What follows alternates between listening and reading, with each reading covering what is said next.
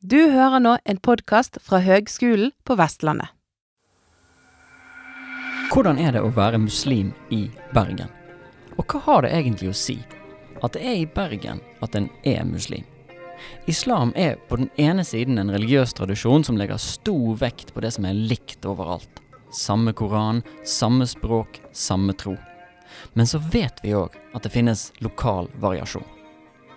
I dagens episode av Samfunnsoppdraget drar vi til Bergen moské for å snakke med en som er muslim i Bergen. Og så skal vi snakke med førsteamanuensis i RLE på Høgskolen på Vestlandet, Mona Helen Farstad. Denne sommeren er hun med på å gi ut en ny norsk lærebok om islam. Og da må hun balansere. Hvilken versjon av islam er det som blir presentert i læreboken? Og hvordan har hun og medforfatter Marianne Bø bygget opp de bildene av islam som de har valgt å male frem?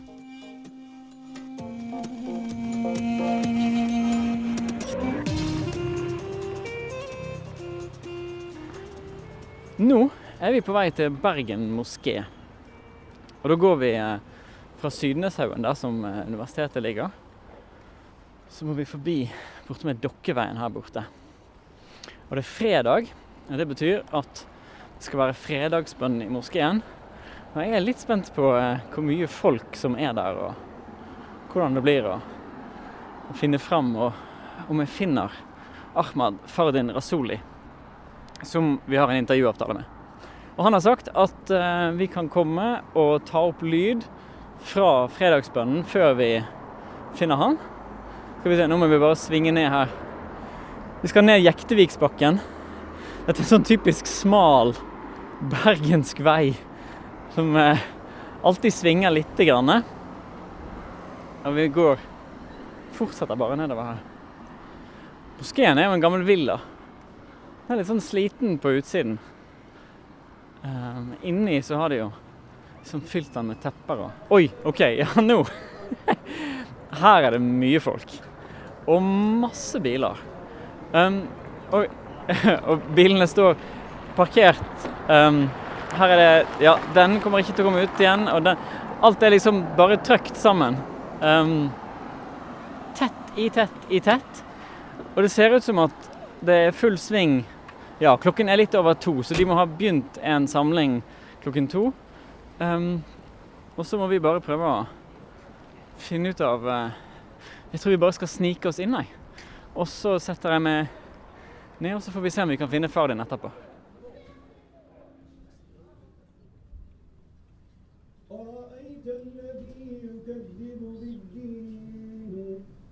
فذلك الذي يدعو اليتيم ولا يحض على طعام المسكين فويل للمصلين الذين هم عن صلاتهم ساهون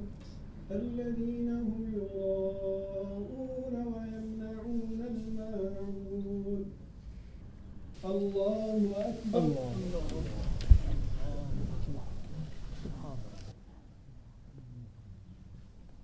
أكبر الله أكبر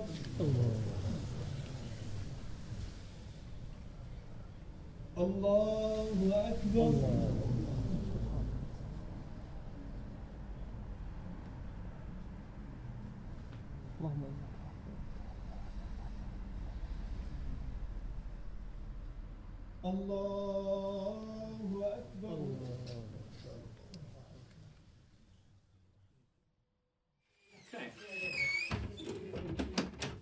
Skal man Da er jeg på plass i Bergen moské Ja. med eh, Ahmad Fardin Rasuli. Eh, og du har sagt ja til å være med oss og snakke om hvordan det er å være muslim i Bergen. Ja, Velkommen til Samfunnsoppdraget. takk for invitasjonen. Så det er veldig kjekt at jeg kunne komme. Og ja, fortelle om hvordan det er å være muslim i Bergen. Ja. Du, eh, du kom til Bergen eh, fra Haugesund i 2017, så du har bodd der i fem-seks år nå. Ja, ja, stemmer. Det er seks år nå. Stemmer. Fortell om eh, livet som muslim i Bergen. Så i Bergen, det som er forskjellig i Bergen enn f.eks. Haugesund, er at de har et større muslimsk miljø her. Ja. Um, er, vi har jo tre-fire moskeer i Bergen, hvis jeg ikke tar feil. Men Bergen moské er den største moskeen i Bergen. Det er her vi sitter nå. Stemmer. Det er her vi sitter her nå. Så uh, jeg syns å være muslim i Bergen, det fineste med det er at uh, vi har en brorskap, på en måte, en samling. Mm. Så, så når jeg kom til Bergen, så kjente jeg nesten ingen. Men uh, i til to år så ble jeg kjent med mange personer. Ja. Uh, og det var gjennom moskeen. Mm. Det mye sosialisering, og vi har jo de fem bønnene. Mm. Så når vi treffes i moskeen og hilser på nye folk og Ja, og, og, og det er det som hjelper på en måte brorskapet, på en måte at vi føler oss inkludert. Ja. Ikke ensomt i en ny by som er, man vet ikke hvordan man skal tilpasse seg. Og, så Bergen moské er, er, er veldig med på å inkludere nye mennesker i Bergen. Mm. Og da, nå, Vi er her på en fredag, Mm. eh, og nå har det vært fredagsbønn. Ja.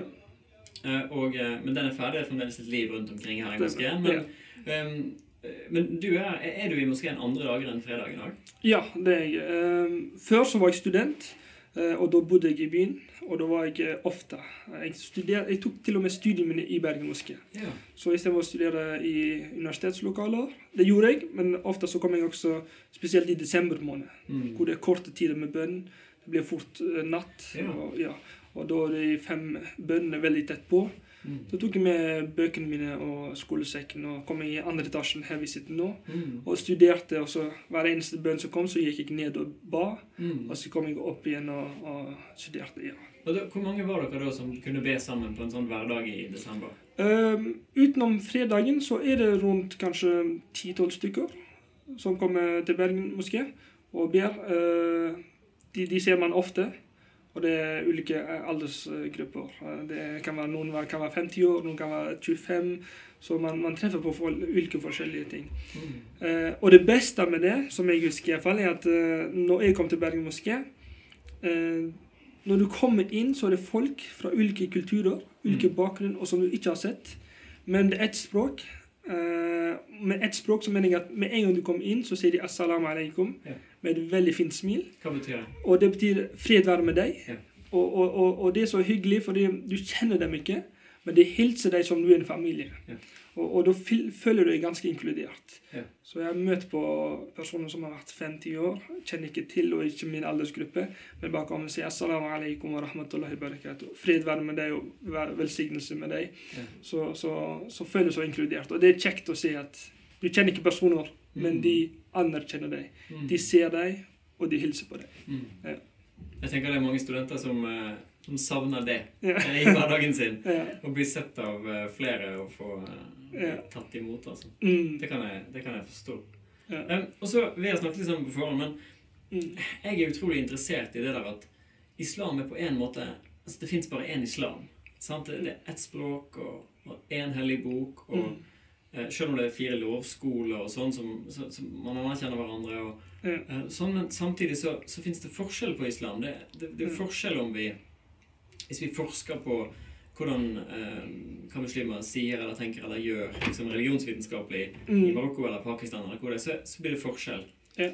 Eh, hvordan er det for deg? Hvordan er, er opplever du at den måten du eh, praktiserer islam på her i Bergen, er den bergensk eller norsk? Eller ja, hvordan, hvordan forstår du det?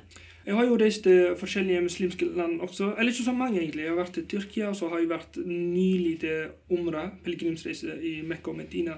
Og jeg har truffet muslimer der er fra mange ulike forskjellige land. Og selv om vi aldri har møtt hverandre, og selv om det er veldig ulikt kulturbakgrunn og oppvekst, så føler vi likevel at vi har så mye til felles. Ja. Så det viser at islam egentlig i seg selv har en enhet. Mm. Um, og selvfølgelig er det ulike små praksiser. For eksempel, til og med i Bergen moské, som norsk muslim, når jeg ber, så har jeg eksempel hånda mi rett under navlen, Ja. mens noen har over navlen, mens noen har på hjertet sitt. Så det er sånne små forskjeller, og så er det andre forskjeller i tillegg. Men de forskjellene er ikke så store. Altså, essensen i, i, i praksisen vår er, er, er veldig likt. Mm. Hvordan vi ber. De fleste av oss bøyer ned. De fleste av oss står opp igjen på samme måte.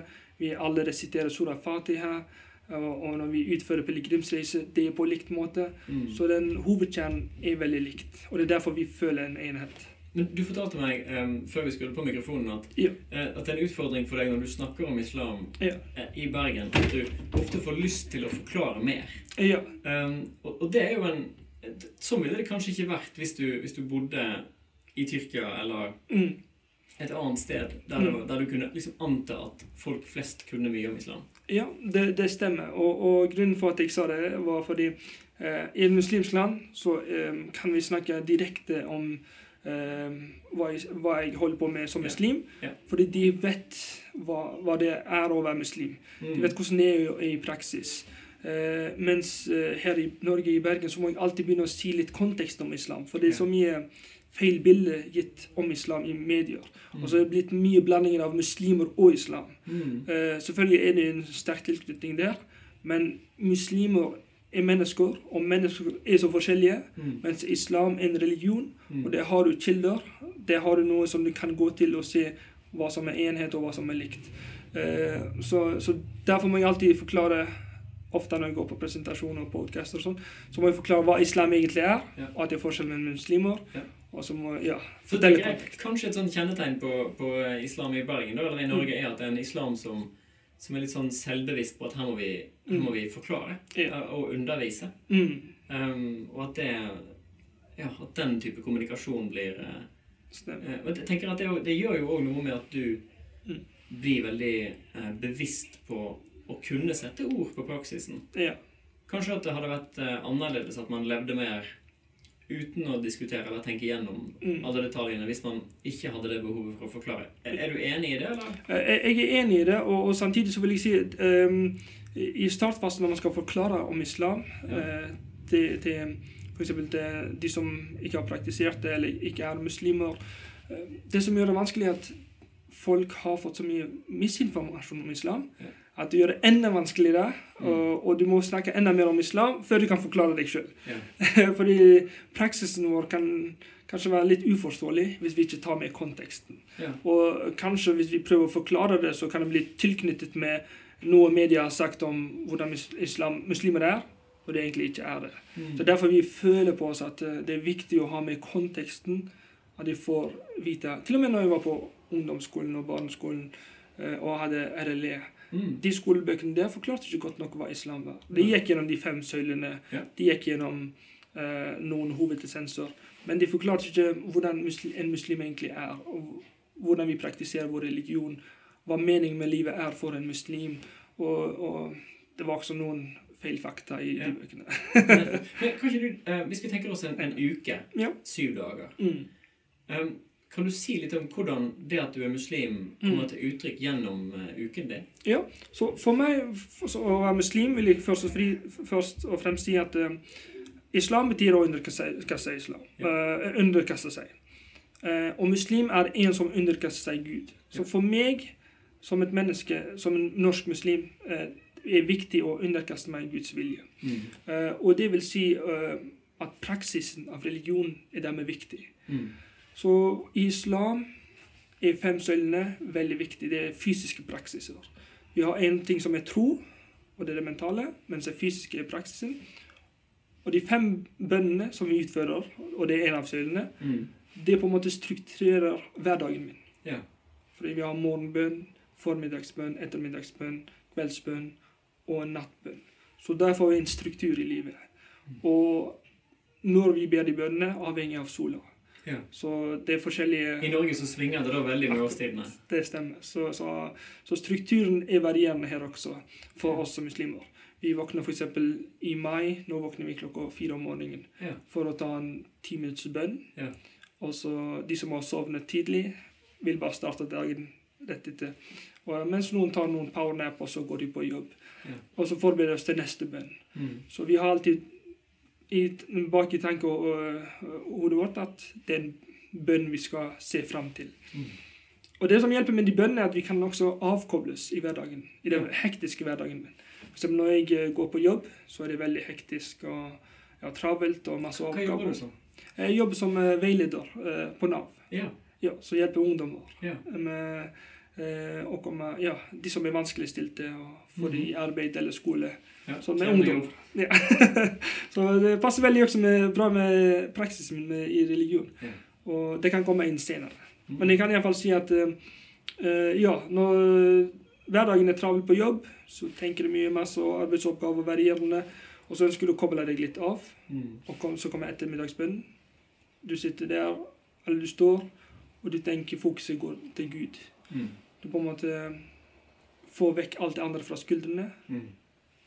Og det eneste du kan tenke på, er å være takknemlig for Gud og be til ham. Mm. Og det gir en fred i, i, i, i sjelen. Mm. Uh, og gjør det enklere å koble av også. Mm. Og så koble på nytt. Nå skal jeg med familien. Yeah. Og, og så kommer også tilbake fokuset om hvorfor jeg er her i verden.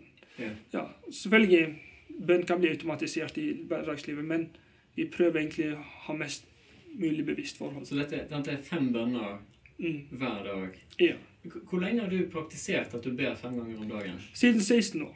Er 16 år. Ja, så, Siden du var 16? siden jeg var 16 år. Ja, så det blir nok eh, syv, syv år? Ja. Ja, syv år, det stemmer. Så nå, jeg, nå vil jeg tro at det, det føles helt naturlig for deg. Elleve år, beklager. Ja, ja. Men at, det, at den rytmen på en måte, den, Nå er det sånn du lever. Ja, stemmer. Og selvfølgelig, av og til er det slik at eh, mennesker er jo Vi, vi er egentlig mm, ikke perfekte. Så vi Nei. gjør feil, og det er av og til noen bønn som går glipp. Mm. Men jeg gjør mitt beste Mm. for å Kan du slå sammen noen bønner, da, eller, eller ta de igjen hvis du Vi, vi må egentlig ta de igjen. Det, det skal egentlig ikke slås sammen, okay. for det har sine tidspunkter. Ja. Uh, og det er derfor disiplin er noe viktig i islam, mm. og struktur er viktig i islam. Uh, og du skal be de, de tidspunktene Gud har sagt du skal be. Um, og ja, uh, så som sagt så prøver vi vårt beste å Mm. forholde oss til de tidene. Men de tidene er også fleksible. Eksempel um, nattbønn. Der har du Du trenger ikke å be akkurat til det tidspunktet, men det er best at du gjør det. Ja. Men du har flere timer på deg til å be den nattbønnen. Ja. Ja. Men tror du er bønnen på en måte det viktigste Det mest synlige, liksom Eller hørbare, da, kanskje, med, med det å leve som muslim en vanlig uke? um, det, det er en av de viktigste. Fordi det, det former livet ditt på masse ulike måter. Mm. Um, jeg kunne brukt nesten flere dager på å snakke om selve bønnen. Ja. For det har så mye å si i hverdagen vår. Ja. Det, og det er så mye fordeler vi får fra det. Mm. Disiplin, struktur, fokuset kommer tilbake. Og det at vi har en følelse at vi er aldri ensom. Mm. For mennesker de kan føle seg ensomme i en situasjon. Til og med om de har masse relasjoner med andre folk. så Har du et tidspunkt i livet hvor du føler at det er ingen som forstår deg. Mm. Absolutt ingen. altså Du prøver å snakke med din eh, nærmeste, til din kone, til din mann eller til dine barn. Ingen som forstår deg. Så det er en av mine beste momenter som Mm. norsk muslim har vært de mine vanskeligste situasjonene i livet. Og det er ikke akkurat i de vanskelige situasjonene, men rett etter det. Og det er slik at eksempel når jeg har hatt veldig vanskelig, og ikke har klart å vite hvordan jeg skal løse det, det alt, mange, mange problemer har bobla seg opp. Mm. Og det føles for mye i skuldrene. Tankene er helt forvirret, og jeg vet ikke hvor jeg skal starte. Eh, eh, og så er det ingen jeg føler jeg kan snakke med, eller noen som kan avlaste meg. Så den beste momenten har vært når jeg har gått til bønn, Mm. og så har latt tårene snakke for seg sjøl. Yeah. Og stått der, og, og, og så snakket med Gud, på en måte. Utført bønn, og etter bønn så kan vi gjøre eh, vår egen personlige bønn. Ja. Og bare sagt at, og bare innrømmet at jeg er et svakt menneske Mm. som er ikke perfekt, som ikke har full kapasitet til å løse alt. Mm. Og jeg underkaster meg Gud Mm. og ønsker hjelp fra Gud. Og når jeg gjør det, på en måte, er det akkurat som å gi alle mine problemer til Gud. Mm. At Hjelp meg med det. Og det gjør fokuset så mye sterkere, for da får jeg Det jeg gjør rett etter bønnen da, er å si jeg starter med én ting om gangen. Mm. Jeg tar for eksempel, Hvis det er økonomi, så bare starter jeg med det. Mm. Og så lar jeg de andre problemene til Gud og sier Så den også, men det er bare sånn Jeg stoler på Gud, tror på at Gud vil være med meg i den reisen. Jeg er ikke ensom. Mm. Det er en allvitende, allvis, som er med meg i, i, i reisen.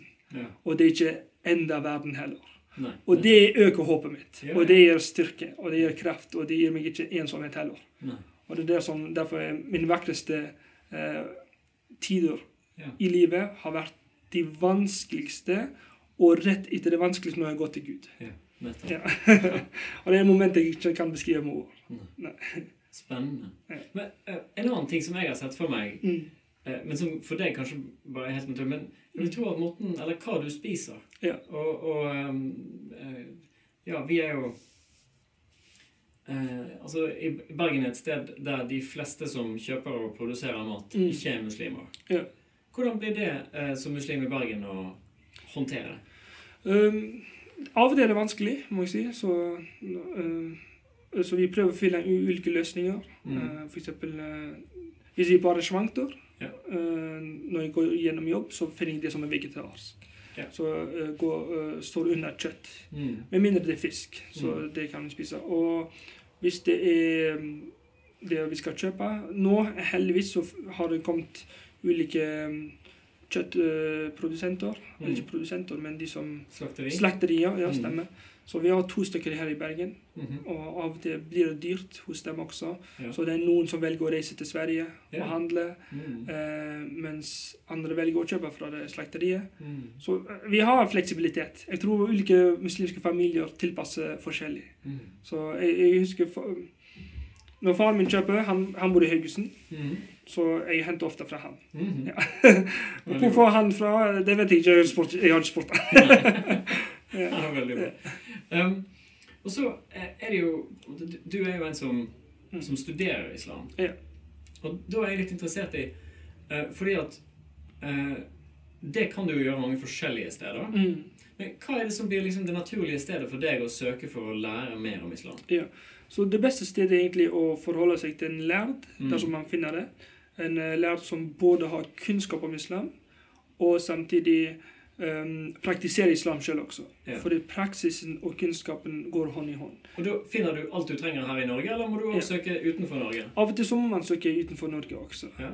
Uh, spesielt hvis man bor i små byer i Norge, så er det enda vanskeligere. Ja. Eh, mens i Bergen så har vi heldigvis tre imamer. Mm. Um, og, og selvfølgelig så går jeg også til dem og stiller spørsmål hvis det er noe jeg lurer på. Men av og til så ønsker jeg også å vite om en, som, en lærer som har ekspertise i en felt. Ja. Da må jeg eksempel eh, Da går jeg litt mer online. Ja. Eh, da går jeg, eh, det finnes online-kurs i England f.eks. Ja. Der har jeg en veldig eh, god lærde Mm. eh, som gir kurser om islam. eh, som gir svar på spørsmål du har. Og så er det en troverdig nettside som kalles islamqa.org. -hmm. For meg er det troverdig, for vi hadde en lærd her i Bergen som nå har gått til Oslo. Eh, det var han som fortalte meg om den nettsiden. Så når, Og dette syns jeg er veldig interessant. Sant? Hvordan en, en lærd i Bergen Mm. gir deg råd og, og peker vei mot noe. Det, så det er på en måte et tillitsbasert system, dette her. Og, det, og, og jeg, oppfatter at det òg handler om nettopp det hvor viktig det levde livet er. Så du må jo på en måte ja. ha levd sammen med noen for å vite hvordan de lever. Sant? stemmer. må du kjenne dem. Um, men så kan de vise videre til, til noe i England. Ja. Det? For det kunne jo vært uh, noe i, um, i i Damaskus eller liksom noe eh, et, et land som det var eh, Som var Der man hadde flest muslimer, f.eks. Sånn, sånn er det jo ikke i England. Nei, nei. Men likevel så er det et stort nok samfunn i England Ja. um, til at det kan bli en sånn uh, kunnskapskilde. da. Ja, ja. Og så også i tillegg så er det uh, På YouTube så er det um, noen um, imamer eller noen lærde og noen som holder taler om islam. De har blitt populære på Mm. YouTube. Vi har en som kalles Mufti Menk. Mange som, mange som, mange som kjenner til han. Mhm. Imam, Imam Suleiman. Han er fra USA. Mhm. Mufti Menk er fra Zimbabwe, men han reiser rundt i verden. Så er det en sånn uh, Mufti Ab Abdurrahman ibn Yusuf Mangera. Han er fra England. Han har kommet også i Bergen til og med besøkt. Ja. Og gitt sånn Hva språk er de videoene på, da? eh, Engelsk. Da er det på engelsk. Det er globalisert, ja. For alle de der. Stemmer. Ja, det er jo superinteressant. Det- Tror du eh, um, Hvordan tror du det hadde vært å vært eh, muslim i Bergen hvis du måtte vært i 1980 istedenfor? Eh, Jeg tror det ville vært veldig vanskelig. Ja. eh, For det er masse spørsmål man kunne hatt og ikke visst hvordan man skal finne svaret på det. ja. Det var ikke, Sosiale medier var ikke like aktivt i den tiden. Nei. Eller det var ikke noe, kanskje. Nei? Du hadde ikke YouTube eller Facebook på den tid. Så så det er egentlig en ganske stor del av virkeligheten. Det, ja, det online-samfunnet. stemmer. Med, og det, dette, dette tror jeg ikke kjennetegner ganske mye religiøsitet Mm, mm. Uh, i, i vår tid. Sant? Ja. At man kan søke et sånt fellesskap uh, Ja. på nett, men samtidig så hadde du jo Du hadde ikke kunnet brukt det hvis du ikke hadde moskeen her. Mm, mm, Som er med og sier noe om hva man kan stole på, og som kan Ja. vise vei i det landskapet. Da. Ja, det syns jeg er veldig viktig. fordi kun å ha relasjon på nettet er ikke nok. Nei. Og kun å ha relasjon i selve lokalet når du bor i Bergen eller i Norge generelt, er heller ikke nok. Kanskje i Oslo. Jeg vet ikke, jeg vet ikke hvordan det er i Oslo, men i Bergen så er det ikke nok Mm. heller. Um, fordi vi har foreløpig ikke noe sterke, store lærere som har eksperter i Nei. psykologi eller i filosofi eller i andre felter som kan gi svar på ulike spørsmål. Mm. Så vi, vi, vi har behov for kombinasjonen. Yeah. Tett samarbeid med Bergen moské, og samtidig noe samarbeid utenfor England eller USA. Ja. Ja. Iallfall en fra vestlig verden som kjenner til systemet, hvordan det er i vestlig verden. Nettopp. Det er veldig viktig. Ja, altså, hvorfor er det veldig viktig? I grunnen for det at uh, lærere som ikke har bodd i vestlig verden, kjenner ikke til kulturen, kjenner ikke til verdiene, uh, kjenner ikke til systemet. Mhm. Og derfor at de skal si hvordan ting skal praktiseres eller bli gjort. De har ikke kjennskapen til hvordan det er å leve i, en vestlig verden. Ja. Og du kan gi, gi en um, uh, råd som ikke passer i det hverdagslivet. Ja. Da kan religion bli altfor vanskelig Ja. enn det det trengs å gjøre. Ja. For I Koranen så står det at religion har ikke kommet for å gjøre livet ditt vanskelig, Nei. men har gjort for, for at livet skal bli mer komplett, Mm. enklere og bedre. på en måte. Mm. Og Derfor har vi behov for lærere i vestlig verden som kjenner til systemet. Og ja, Ja, veldig interessant. Men du, så det er jo en sånn på en måte eh, en litt sånn eh, undertone i spørsmålene Ja. mine her som handler om at vi har et problem i Bergen mm, med, med diskriminering. Og ikke bare av muslimer, men òg av muslimer. Som er så alvorlig at kommunen her har laget en egen plan, handlingsplan mot eh, diskriminering av muslimer. ja. Eh, aller først, eh, opplever du diskriminering som muslim her? Eh, heldigvis uh, har jeg ikke opplevd det på veldig lenge. Aha. Eh, ikke i Bergen, ikke så langt jeg kan huske. ikke i Bergen. Nei. Men i Haugesund, når jeg bodde der, yeah. så kunne jeg følt på det. Yeah. Og, og det hadde mye å si at jeg hadde mindre kunnskap om islam også. Yeah. Så hvis jeg har mindre kunnskap om islam, så kan du føle diskriminering mye enklere også. Mer sårbar. Mer sårbar, fordi du blir stilt mye spørsmål fra kanskje venner, skole. Mm. Eh, og hvis du ikke har kunnskap, så kan du føle en sånn litt ekkel følelse om at eh, hvordan skal du svare på det? Jeg Mm. ønsker ikke at de skal misforstå meg. Eh, og så ønsker du å gjemme deg. Det var det jeg gjorde kanskje på skolen. Ja. da jeg var i Haugesund. Ja. Eh, for mediene viser en helt annet bilde av muslimer.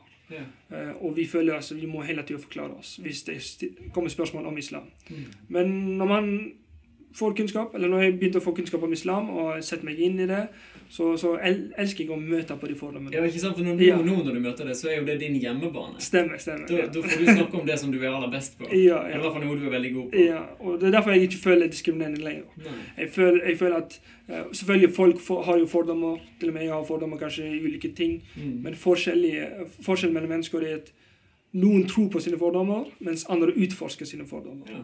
Og det ser man på spørsmålene de stiller.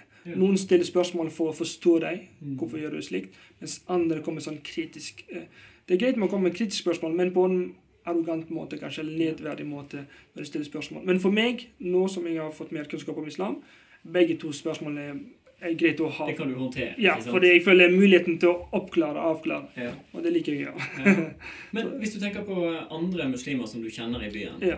um, er det noen av de som, som har opplevd noe som er vanskeligere diskriminerende knyttet til det at de er muslimer? Ja, jeg har hørt noen uh, historier, f.eks. tvillingsøsteren min har sagt at Mm. hun har følt på at om det er i arbeidssituasjonen eller om det er på skolen, uh, ja, så, så har hun følt, følt på det. Så hun har snakket med meg om det. Uh, og så har det vært noen Jeg kan ikke komme på noe tema vennen har gjort. Snakket om noe diskriminering. Uh, men men jeg, jeg, har, jeg har vært Men leder på søsteren din, hva, hva, hva gjør det med henne at hun opplever det? Jeg prøver å, å av og til si at kanskje motparten har prøvd å forstå hva islam er. Kanskje det er derfor de har stilt spørsmålet. Mm. Eller kanskje når de har oppført seg på en måte mot deg, så har det ikke handlet om din bakgrunn, men bare at det er en situasjon som har Ja. eh, fått en misforståelse. Mm. Mens uh, hun, sier, hun sier fra sin side nei, jeg skjønner her kan det ha vært misforståelse, men her følte jeg at jo, det var noe med min bakgrunn. Ja. Og da blir det vanskelig for meg å si noe der. Da bare lytter jeg til det hun sier, for at hun får det bare ut. Vi ser jo også alle som kan lese, f.eks. Bergens Tidende kan, kan se i et kommentarfelt Ja. hva som kan stå der Ja. eh, fra, fra, fra folk som Mm. ytrer seg på eh, virkelig fordomsfulle og, og diskriminerende måter Mm. om islam. Så det, det er jo ikke tvil om at disse holdningene er her Ja. um, i samfunnet. Men i, i kommunens handlingsplan der er det jo et element som handler om samarbeid med moskeen. ja. Eh, er du med å, å gjøre noe Har du bidratt med noe Har du jobbet noe med sånne ting som handler om å formidle? har, jeg har vært med noen arrangementer som Bergen moské hadde med STL, så jeg, jeg ser at det er veldig godt samarbeid. Også samarbeid for, samarbeidsråd for tros- og, og livssynsorganisasjoner? Er det det står for? Ja, stemmer. stemmer. stemmer. Og, og mm, de, de, de har, jeg har sett at Bergen moské har veldig godt samarbeid med både Bergen kommune og, og uh, STL. Mm. Det har vært noen arrangementer, eh, og det har vært med på å komme med noen innspill om hva den diskrimineringsplanen eh, kan handle. Men, eh, men jeg føler at det blir sånn litt dobbeltsidig i samfunnet. Ja. Og det jeg mener her at på ene siden så prøver Bergen kommune og, og SDL å forbedre eh, og få vekk islamofobi i samfunnet. Mm. Mens på den andre siden så er media og litt systemet yeah. med på å bygge yeah. islamofobi. og det kan man tydelig se f.eks. på når verdensmesterskapen eh, var i Qatar. Ja. Hvordan det ble behandlet, Ja. og hvordan det kom til å bli behandlet når USA og Canada kom til å få mesterskapet. ja. Det blir veldig forskjellig. Og hvordan det mesterskapet var i Russland, Mm. og hvordan det var, OL var i Beijing. Mm. Så det, var- det var ikke mye mediesnakk om, om de stedene der. Mm. Det var litt, men det var ikke like mye som det ble bombardert i Qatar. Og da, da opplever du at det handler om at fordi Qatar var- er muslimsk, Ja. at det skaper en ekstra Ja, og det er ikke bare det jeg føler, men det er mange muslimer i, Ja, ja. i samfunnet som føler. Eh, Jeg har vært eh, tidligere leder for muslimske studenter i Bergen. mm. Jeg har eh, snakket med kompiser, med andre muslimer. Mange som har følt det. Måten de belyste verdensmesterskapen om i Qatar, Mm. Tok kun med i det negative. Selvfølgelig eh, er det mange steder Qatar må forbedre seg, men ikke kun Qatar. Mm. USA har masse vanskeligheter og problemstillinger de har gjort i, rundt i verden. Mm. Ja, mange som har kjennskap til det. Mm. Men bare se hvordan det blir belyst i media. Og i Russland så skjønner, skjønner vi jo hvor mye vanskeligheter og problemstillinger det finnes der. Men det var ikke like mye kritikk i Russlands verdensmesterskap, så ja, vi, vi, vi ser det på en måte. Vi Ja, ser hvordan det det sier jo noe om at det gjør noe med deg, ikke sant? Ja, Når, eh, når viktige stemmer i det norske samfunnet snakker Mm. om å boikotte Qatar og er så negative Qatar, ja, så, så, så gjør det noe med hvordan du eh, Mm. føler deg som norsk muslim. Sant? Ja. Og, og, Og det hadde jeg ikke følt hvis de hadde vært konsistens. nei. Mm. Hvis de hadde gjort det mot Russland og Kina, Og gjøre mot eh, Canada og USA, Mm. så da har vi vært i samme plan, og da har vi vært enige. Ja. Kritikken skal ikke være basert på ett sted, men det skal være konsistens i det. Men hvis det blir kun mot Qatar, og ikke andre steder, da føler vi det er dobbeltmoral. Ja. Da har det muslimske bakgrunnen med å. Ja. Og det er derfor vi føler at mediene til og med til i dag har vært med på å bygge islamofobi og ikke ja, kjempe mot det. Mm. Fordi vi ser overskriften de bruker, eh, og måten ja, de, de snakker om oss. Du, uh, Veldig interessant. men Vi er nødt til å, å runde av. Men, men Ja. du sitter i en veldig fin, hvit drakt. Og du har eh, et hvitt hodeplagg. Mm. Kan ikke du, og Jeg går ut ifra at dette det er i forbindelse med fredagsbønnen at du er kledd på denne måten. Ja, Kan ikke du fortelle eh, om, om disse klærne, hva det betyr, og, og hvorfor du går med det? Ja, Så det er hvit, eh, lange klær eh, med en sånn rund hatt. Så mm. det bruker jeg ofte når jeg ber. Mm. Eh, det brukte jeg ikke så mye ofte før, men etter den pilegrimsreisen jeg hadde, Ja. uh, og, og mer kunnskap jeg søker om islam, desto mer eh, liker jeg mer å vise at jeg er en stolt muslim Ja. i samfunnet. Ja. Før var jeg mer redd. Meg for, eh, ti år siden var helt forskjellig fra en muslim jeg er nå. Uh, før så skammet meg av å være muslim. Nå er jeg veldig stolt, så jeg prøver å vise mest mulig. Ja. Ofte så sier samfunnet at hold religionen din privat i Mhm. hjemmet. ikke sant? Mm. Men nå er jeg helt uenig. Ja. Jeg hadde holdt det privat hvis media ikke hadde snakket så mye mm, Ja. Misinformasjon. Ja. Men nå som jeg føler at det er mange som ikke har ekspertise om islam og ikke har mye kunnskap, får lov til å si mye om oss muslimer og islam, da har vi også muslimer plikt til å søke kunnskap om vår religion og vise det fram i samfunnet. Mm. For hva er det vi muslimer prøver å gjøre i samfunnet? Hva, hva er meningen med livet vårt? Hva, hva er det vi ønsker å oppnå? Det eneste vi ønsker å oppnå, er, er Guds tilfredsstillelse. Og hvordan ønsker vi å oppnå det? Det er å bidra til samfunnet. Det er å gjøre gode gjerninger. Det er å inkludere andre mennesker. Ikke kun muslimer, men andre folk. Jeg vet at Bergen moské har åpen dag, hvor de inviterer alle andre. Um, det er masse ting vi prøver å gjøre. F.eks. jeg som Nav-veileder. Mm. Når jeg går og møter en bruker. Jeg ser her en mulighet i praksisen min at å hjelpe en ungdom å komme ut av en vanskelig stilt situasjon, Mm. det er en veldig stor og god gjerning. Ja. Så jeg ser, Det jeg er ser en meningsfull jobb å ha. det er en muslim. ja, for en muslim. Mm. Så det du gjør, det er å gi det beste av deg. Og da er klærne på en måte Det er en måte å synliggjøre for Ja. deg eh, og vise frem at uh, Se her, Stemmer. jeg er muslim. Det syns jeg er flott. Ja. Det er jeg glad for. Ja. Du, jeg er veldig glad for at du er en stolt og glad muslim, at du kan være det i Bergen. Ja. Jeg syns det er kjempespennende at du studerer islam og Mm. ønsker å lære å forstå og ønsker å formidle. Takk. For at du tok deg tid til å snakke med oss i Samfunnsoppdraget. Takk igjen for invitasjonen. Veldig kjekt å være her.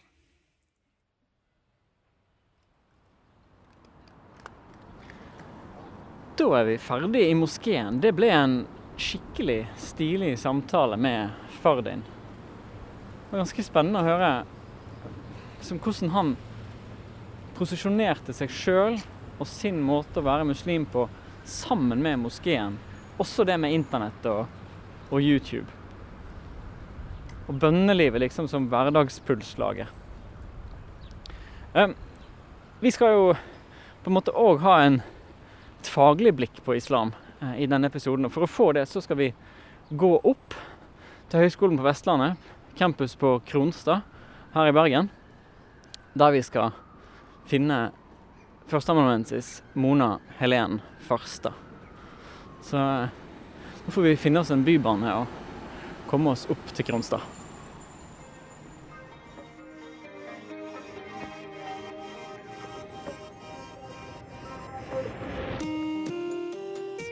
Hei, Mona. Hei. Så kjekt at du ville komme til oss i Samfunnsoppdraget. Du er her fordi at du gir ut lærebok i islam. Mm, stemmer det. Men før vi snakker om den, så må vi få høre litt mer om eh, deg. Hvem er Mona Helen Farstad?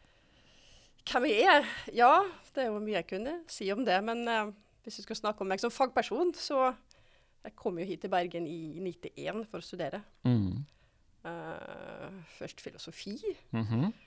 eh, og så begynte jeg da på religionsvitenskap. Ja. 1993. På UiB? Ja, på UiB. Uh, det var liksom den tida da faget ble kjempestort og alle skulle studere. Ja. Ja, så det var, Jeg husker lærerne de var helt forundra når vi kom opp trappa der. Det var, de hadde aldri sett så mange studenter på et, på et orienteringsmøte. Og da, det var jo ikke planen da at jeg skulle bli islamforsker, som, Mhm. Som det ble til. Jeg hadde ikke noen veldig klar plan. Jeg syntes eh, religion var et utrolig interessant fenomen. Veldig fascinerende, spennende. Mm. Eh, og um, ja, det ble jo til at jeg fortsatte med det, det og fikk også interesse for islam. Og du tok arabisk? Og så, ja, så tok jeg arabisk, og, eh, og det var jo også utrolig kjekt. Altså, jeg har alltid vært glad i språk. Ja. sånn språk, språkmenneske. Og Ja. Eh, det var, vi var veldig få studenter på arabisk, da. Lite fagmiljø. Vi var veldig mye sammen, og vi hadde liksom arabiske fester, spiste arabisk mat og Nettopp. hørte arabisk musikk og ja, litt sånn. Så da eh, Og på studiet så var det veldig mye sånn lesetekster. Vi leste alltid fra Ja. før islamsk poesi opp. Altså Koran leste vi. Vi leste moderne arabisk skjønnlitteratur. Så det var liksom da jeg lærte å bli glad i språket og Aha. kulturen, da. Og så brukte du den språkkunnskapen til Mm. etter hvert å ta en doktorgrad på ja, Koranen. Ja, eh, så det var jo bakgrunnen der, da, som den språklige interessen, og interessen for det litterære kanskje, som brakte meg til, eh, til Koran og koranstudiene. Ja, det stemmer. Så på en måte er du jo en litt sånn eh, tradisjonell eh, religionsviter Ja. som har jobba veldig masse med religiøse tekster Ja, på sånn et gammeldags, originalspråk. kanskje, vil og- noen si. ja, ja, ja. Det, er vel stilig òg, ikke sant? Ja, jeg følger jo litt sånn den gamle altså Da religionsvitenskap begynte, så var det på en måte studier av gamle tekster på fremmede Mm. språk. Så jeg fulgte jo liksom i den tradisjonen Ja. da jeg gjorde det. Ja. Ja. Eh, litt sært kanskje, men det var, det var det jeg var interessert i. Men du ble jo ikke innenfor den ramma, for nå er du lærerutdanner, ikke ja, sant? nei, det har jo vært en vei derifra, da, kan du si. Fra koranforskningen og til der i dag.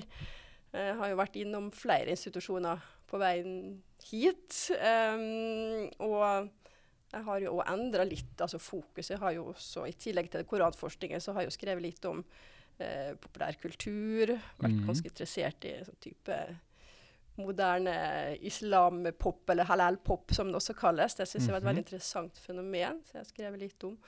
Eh, har også begynt i seinere år da, å liksom pense mer inn på didaktikk, mm. siden jeg jo i lærerutdanningen. Så det blir nok mer av det framover, tenker jeg. Ja. Så ja. Og nå har du samla på en måte denne her eh, hardcore eh, religionsviterkompetansen på Koranen og islam med godt kjennskap til målgruppen Mm. norske lærerstudenter. Og så gir du altså ut lærebok sammen med Marianne Bø. Ja, det må nevnes. Hvordan begynte dere på et sånt prosjekt og fant ut at dere skulle skrive lærebok? Hva var motivasjonen for det? Ja. Eh, motivasjonen Altså, jeg kan jo si hvordan det her kom i stand, da. Det var jo eh, altså Marianne Bø, som du nevnte, som min medforfatter. Mhm. Hun hadde jo allerede skrevet et par bøker på Cappelen Dam. Ja. Og jeg tror faktisk at eh, det var noen i forlaget som lufta ideen for henne. Hva med en ny lærebok i islam? Mhm. Eh, fordi at det som fins på markedet, altså norsk, norsk litteratur om islam på, altså på, for lærerstudenter, det er, ja, det er ganske gammelt. Det er Mhm. vel er borti en sånn 20 år pluss. Mm. Eh, og det har jo skjedd ganske mye på det siste 20 året. Både liksom med samfunnsendringer, men også med endringer i, i faget. Mm. Um, Og skolen. og skolen. Så det er liksom mange ulike eh, ting som tilsier det, at, at en trenger noe som er litt nyere og oppdatert. Mm.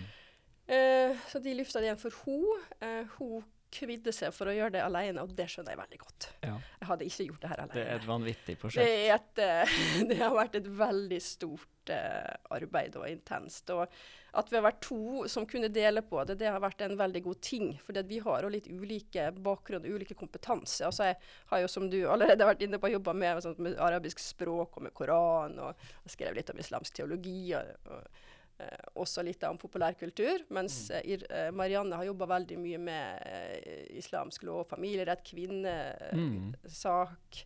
Skrev ei bok om feminisme. Eh, og Iran, da. Så hun er jo liksom Iran, Ja. Iran og Shia-spesialist, kan du Nettopp. si. Ja. Så vi, og så har hun jobba mer med moderne tid, mens jeg har litt jobba mer med eldre tekst. Altså vi, vi, jeg opplevde vel at vi fyller ut hverandre da ganske godt. Mhm. Eh, og vi jobber, jobber, veldig godt sammen. Så det, Hvor lenge har dere jobba? Nå, nå, nå, for nå nærmer boken seg virkelig å være Ja. ferdig, ferdig. Ja, rett rundt hjørnet nå. Det er, det er mulig å få som vurderingseksemplar. Ja, bra. Ja. Det må folk bestille. Ja, alle bare gå inn på Cappelen Dam Akademisk og uh, bestille det. Um, så den kommer veldig snart. Nei, hvor lenge har vi jobba? Det begynner vel ett og et halvt år antakelig da. Mm. Sånn mm, sirkus. Mm. Ja. Så eh, det har vært et langt og møysommelig arbeid. Men Det har det. da, Mona, når, når Marianne tok kontakt med deg og lurte på om du var interessert i Ja. å skrive lærebok, Ja. hva var det du på en måte tenkte sånn OK, hvis jeg skal skrive lærebok, da må dette komme med? Mm. Eh, Første tanken min var vel det at uh, dette er viktig. Dette har jeg lyst til. Og neste tanken var hjelp.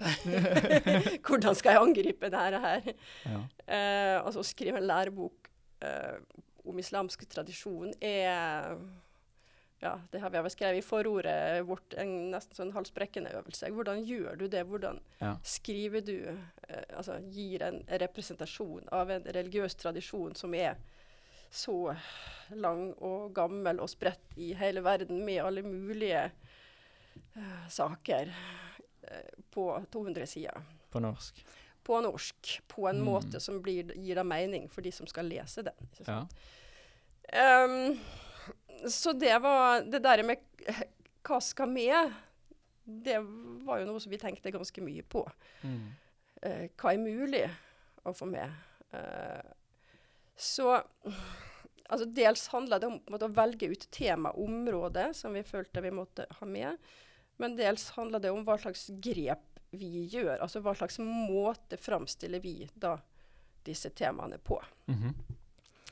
uh, og det er jo liksom Det er jo noen tema du ikke kan unngå, da, for å si det sånn. Det blir et kapittel om Mohammed. ja, det blir et kapittel om Mohammed. Det var liksom den første tida. Men det Ja. som kanskje vi gjør som uh, litt annerledes, da, det er at vi lar i veldig stor grad kildene styre Altså de tilgjengelige Ja. kildene styre fremstillingen av Mohammed. Istedenfor at dere lager én liksom deres versjon av Ja, fortellingen nei, vi lager ikke 'dette er Mohammed', punktum. Vi, vi viser til de ulike kildene som finnes, og så forsøker vi da å, å si et eller annet om hvordan folk på ulike, fra ulike eh, posisjoner på en måte har tenkt om Mohammed og tolka Mohammed.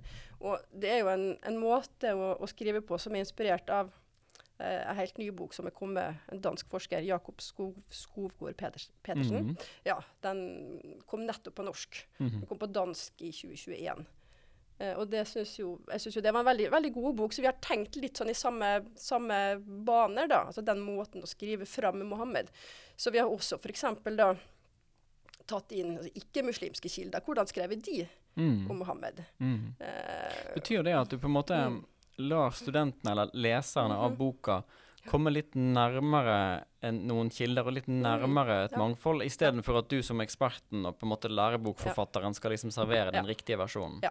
Og det er litt sånn gjennomgående med hele vårt bokprosjekt at vi, vi, vi, tenker og vi prøver å presentere det mangfoldet som fins. Mm. Vi, vi, vi legger fram diskusjonstema, vi legger fram liksom konfliktlinjene og viser de fram. Mm. Ulike diskusjoner, også innad, altså blant muslimer, om Mohammed. Ja. F.eks. dette her med at Mohammed gjorde mirakel. Sant? ja.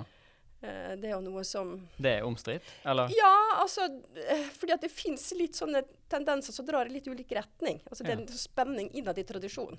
Ja. Så i stedet for liksom å gjemme dem bort og ta side her, da, så viser vi at dette her er en intern spenning, Mm. faktisk, Hmm. som finnes der. Men da er vi jo litt inne på det som, noe av det som vi har vært mest opptatt av i, i, i dagens episode. Den Ja. balansegangen med, liksom, mellom tanken om én islam Ja. sant, og én Ja. koran og ett ja, ja. språk, og, og dette at det likevel er spenninger, og at det blir et mangfold i islam. Mm, Kan du si litt om, om hvordan dere diskuterte det, eller liksom mm, mm. kjempet med det lokale og det globale, og Ja. kultur og Ja. Ja, ja, ja. ja, ja altså, der var det jo eh, det å finne noen nyttige grep, altså noen sånne modeller, noen perspektiv som kunne liksom eh, presentere det på en forståelig måte da, Mhm. for leseren. Uh, og da har vi jo Blant annet så har vi jo brukt det her eh, Robert Jackson, sånn tradisjon, gruppe, individ, nivå. ja for- tre nivåer som er kjent i religionsdidaktikken. så det er jo ett sånt perspektiv som vi bruker. Um, og så snakker vi også om, det er jo fra Talal Assad, dette her med islam som en diskursiv tradisjon. Altså at vi, det vi studerer er hvordan muslimer sjøl har fortolka sine egne tekster, eller fortolka Ja. sin egen tradisjon opp igjennom. At det er på en måte de fortolkningene som vi er interessert i, og som sammen danner islamsk tradisjon. da? Mhm. i en vid forstand. Og så har vi en sånn tredje sak. Eh, det har å gjøre med eh, det å på en måte, begrepsfeste hvordan individet velger ut element ifra islamsk tradisjon. Hvis du tenker islamsk tradisjon som et sånn kjempebredt felt med veldig mange ulike element. OK, sant? et koldtbord, liksom? Ja, du kan kalle det et koldtbord, eller, eller hva du vil. Eh, Jan Gjerpe, som er en svensk eh, religionsforsker eh, ja, Han er vel sikkert pensjonert nå for lengst, men i hvert fall Jan Gjerpe han skrev, eh, skrev eh, en gang om det han kalte for den islamske kurven. Mhm. Og det var en metafor for på en måte nettopp framstille det her forholdet mellom individet og den store tradisjonen. Mm, Så individet kan liksom plukke ut Yes. fra den kurven Ja, de tinga som som kanskje både trenger. trengs Ja, nettopp. Ja. Eh, og, og et poeng med den kurven er at den er lekk. Den er lekk. Ja, sånn okay. at ting kan falle ut av kurven Ja. og bli borte for alltid. Ting kan komme inn i den kurven. nettopp. Og det, så det, var, det er noen sånne grep da, som vi gjør for å på en måte prøve å sette ord på, på nettopp det. Samspillet mellom individet og, Og den store tradisjonen. Er vi jo på en måte i religionsvitenskapen, og vi Mm. står utenfor islam og, og prøver å Ja. beskrive det. ikke sant? Ja. Og, og sånn er vel denne boka òg. Det er ikke Ja. en islamsk bok. Dere Nei. har en, en, et, utenforperspektiv på islam eh, i boka. Ja, og det var litt viktig for oss. Altså, vi er jo begge har jo bakgrunn fra, fra religionsvitenskap her i, i Bergen. Vi disputerte vel sånn nesten samtidig. Mm. Eh, Så, så vi, for oss var det viktig å på en måte ha det faglige perspektivet til grunn. sånn at vi er jo opptatt av å beskrive islam som en religiøs tradisjon, som en type si, kultur. Altså sånn, Mm. no, som noe mennesker gjør, Mm. og ikke som på en måte en sånn essens. Noe som er atskilt fra kultur, men noe som er Ja. en kulturell praksis. Ja. Ja. Men Mm. uh, også er det en norsk bok, Mm, og den er skrevet til norske studenter. Mm. Mangfoldige som, som ja, de er. ja, ja, ja. Um, men i Norge 2023 Mm. hva, um, hva tenker du På hvilken måte er boka prega av at den kommer ut i den sammenhengen? Mm. Ja, eh, altså én ting er jo dette her med stoffutvalget, da. Vi måtte jo gå noen runder med hva skal vi velge ut, og hvilke tema skal vi på en måte løfte fram. Mm. Det måtte vi nødvendigvis gjøre. Du får ikke med alt. 200 sider? Nei, vi, og vi, vi, vi, prøver ikke å late som heller at vi har fått med alt. Vi, vi er tydelige på at her har vi gjort et utvalg. Ja. Og eh, en, skal si, et skal si, kriterium, eh, eller et hensyn, da, det var faktisk uh, nye læreplan. Altså hva slags I tema. KRLE. Ja, nye læreplan i KRLE. Hva slags type tema er fremheva der? Mm. Og hva slags type religionsforståelse eller kulturforståelse er det man ønsker uh, at elevene skal kunne, eller ha. Mm. Eh, da må jo selvfølgelig de som underviser å ha denne kompetansen. Så, så de tinga har nå styrt, egentlig. Altså hvordan KRLE-fag har utvikla seg i Norge, og hvordan man Ja. Eh, så det er jo én ting. Um, og så har vi jo prøvd Altså, vi hadde jo egentlig et ønske om å ha et kapittel om islam i Norge. Ja. Det, Ja. ja. Opprinnelig plan var det, men eh, det Hvorfor falt det ut? Nei, altså som sagt 200 sider, det er Ja. ikke så mye når du begynner å skrive om eh, så mange tema. Eh, jeg skrev f.eks. et kapittel om eh, islamsk teologi og rettstenkning og etikk sant? På, altså, på 15 sider. Det, det, det, Det er ekstremsport. ja, det er ekstremsport. Det er virkelig ekstremsport. Sånn at det, det, det mm, Vi fikk ikke til et helt kapittel om islam i Norge, men vi har liksom brukt eksempel fra Norge. Ja. Vi har brukt uh, norsk forskning, vist til norske forskere. Mm. Uh, ja. Så, så, så der det har vært naturlig, har vi på en måte prøvd å koble det til en norsk kontekst. Mm. For det var jo noe av tanken bak her, at det skulle være relevant for norske studenter. Og- noe av det som vi, vi tidligere i denne episoden har snakket med uh, Fardin Rasoli om, Mm. er jo at i, i Norge så Mm. er det mange som ikke kan så mye om islam. Mm. Altså det, Gjennomsnittskompetansen Mm. på islam i Norge Mm. er lav. Mm. Og det tenker jeg må jo gjøre noe Mm. med en lærebok, at en Mm. på en måte kanskje føler at her må vi forklare alt. Ja, ja. Mm. ja.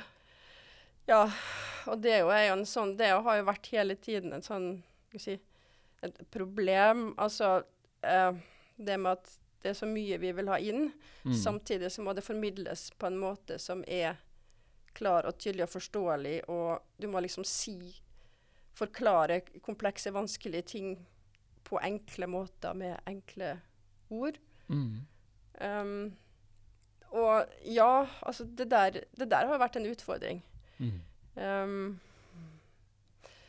vi har vel kanskje ikke snakka så mye, meg og Marianne, om liksom hva vi forventer kunnskapsnivået til leseren er. Men vi, vi, vi prøvde i hvert fall å tenke at det skal være mulig for en som ikke har så mye kunnskap om islam fra før, å, å få noe utbytte av boka. Vi, vi håper det, i hvert fall. ja, Ja, ja. Så, så, så det var litt med, med oss når vi skulle skrive oss inn i sjangeren. For det var jo en ganske lang prosess, det å på en måte finne det språket og finne den formen som fungerte i en sånn bok. Mm. Det syns jeg var vanskelig. Å finne riktig detaljnivå. sant? Mm. Hvor mye detaljer skal du ha med?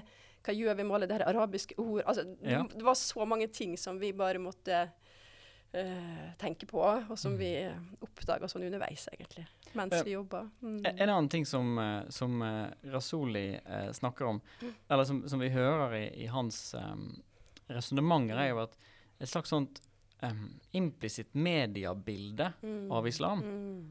er, er en viktig del av, av hans på en måte eh, måte å orientere seg Han Mm. orienterer seg jo i opposisjon til det, ikke ja, sant? Ja. Mm. Um, Mm. men er det mediebildet av islam Er det til stede i læreboka, eller noe som, som, som dere er opptatt av å nyansere eller utfordre eller Ja da. erstatte? ja, altså det, det, det er jo med oss som et bakteppet. Mm. Um, I begynnelsen så tematiserer vi ikke media sånn direkte. Da er det mer snakk om dette her med stereotypisering og essensialisering. Hva betyr det? I, nei, altså stereotyp at man har liksom noen sånne hva skal jeg si, standardkategorier og sånne enhetlige forestillinger om hva, hva islam er, og hva muslimer er, som finnes Mm. der ute i, i offentligheten. da. Mm. Ehm, altså, der vi tematiserer dette med mediebildet, er vel kanskje i det eh, kapittel syv.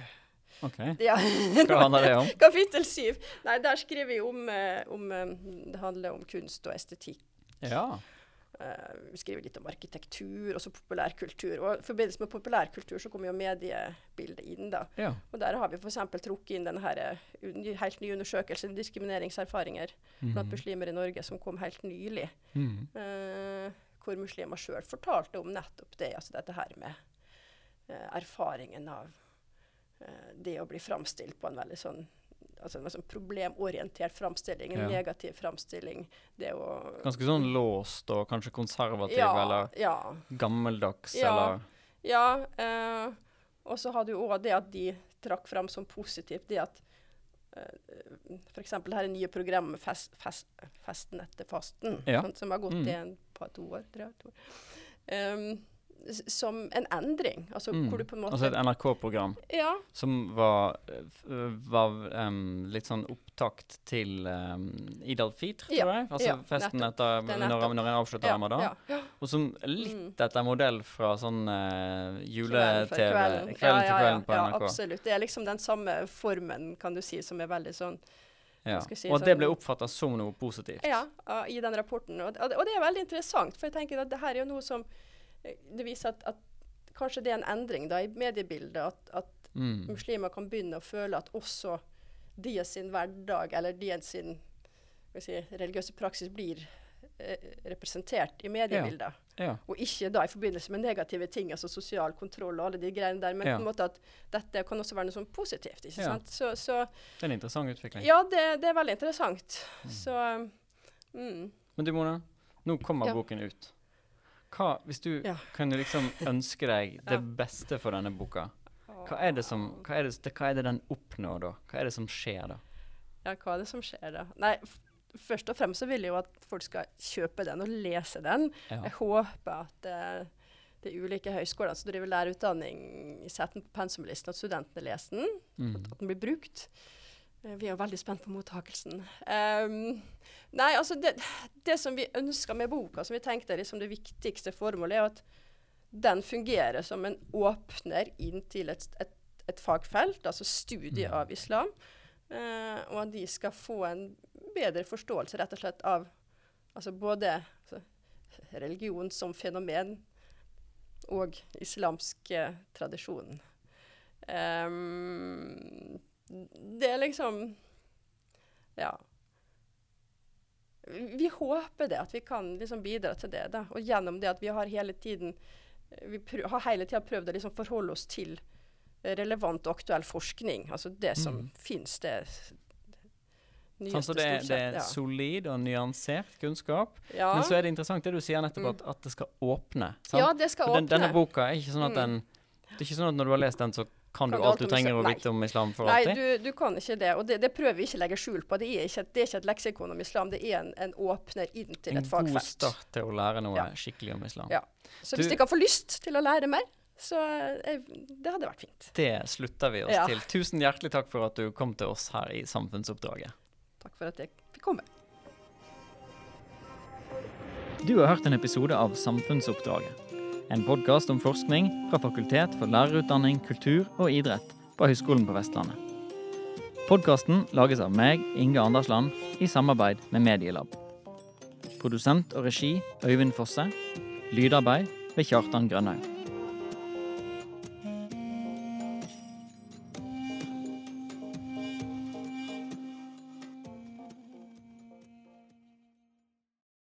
Du har nå hørt en podkast fra Høgskolen på Vestlandet. For å høre flere podkaster, besøk hvl.no slash podkast.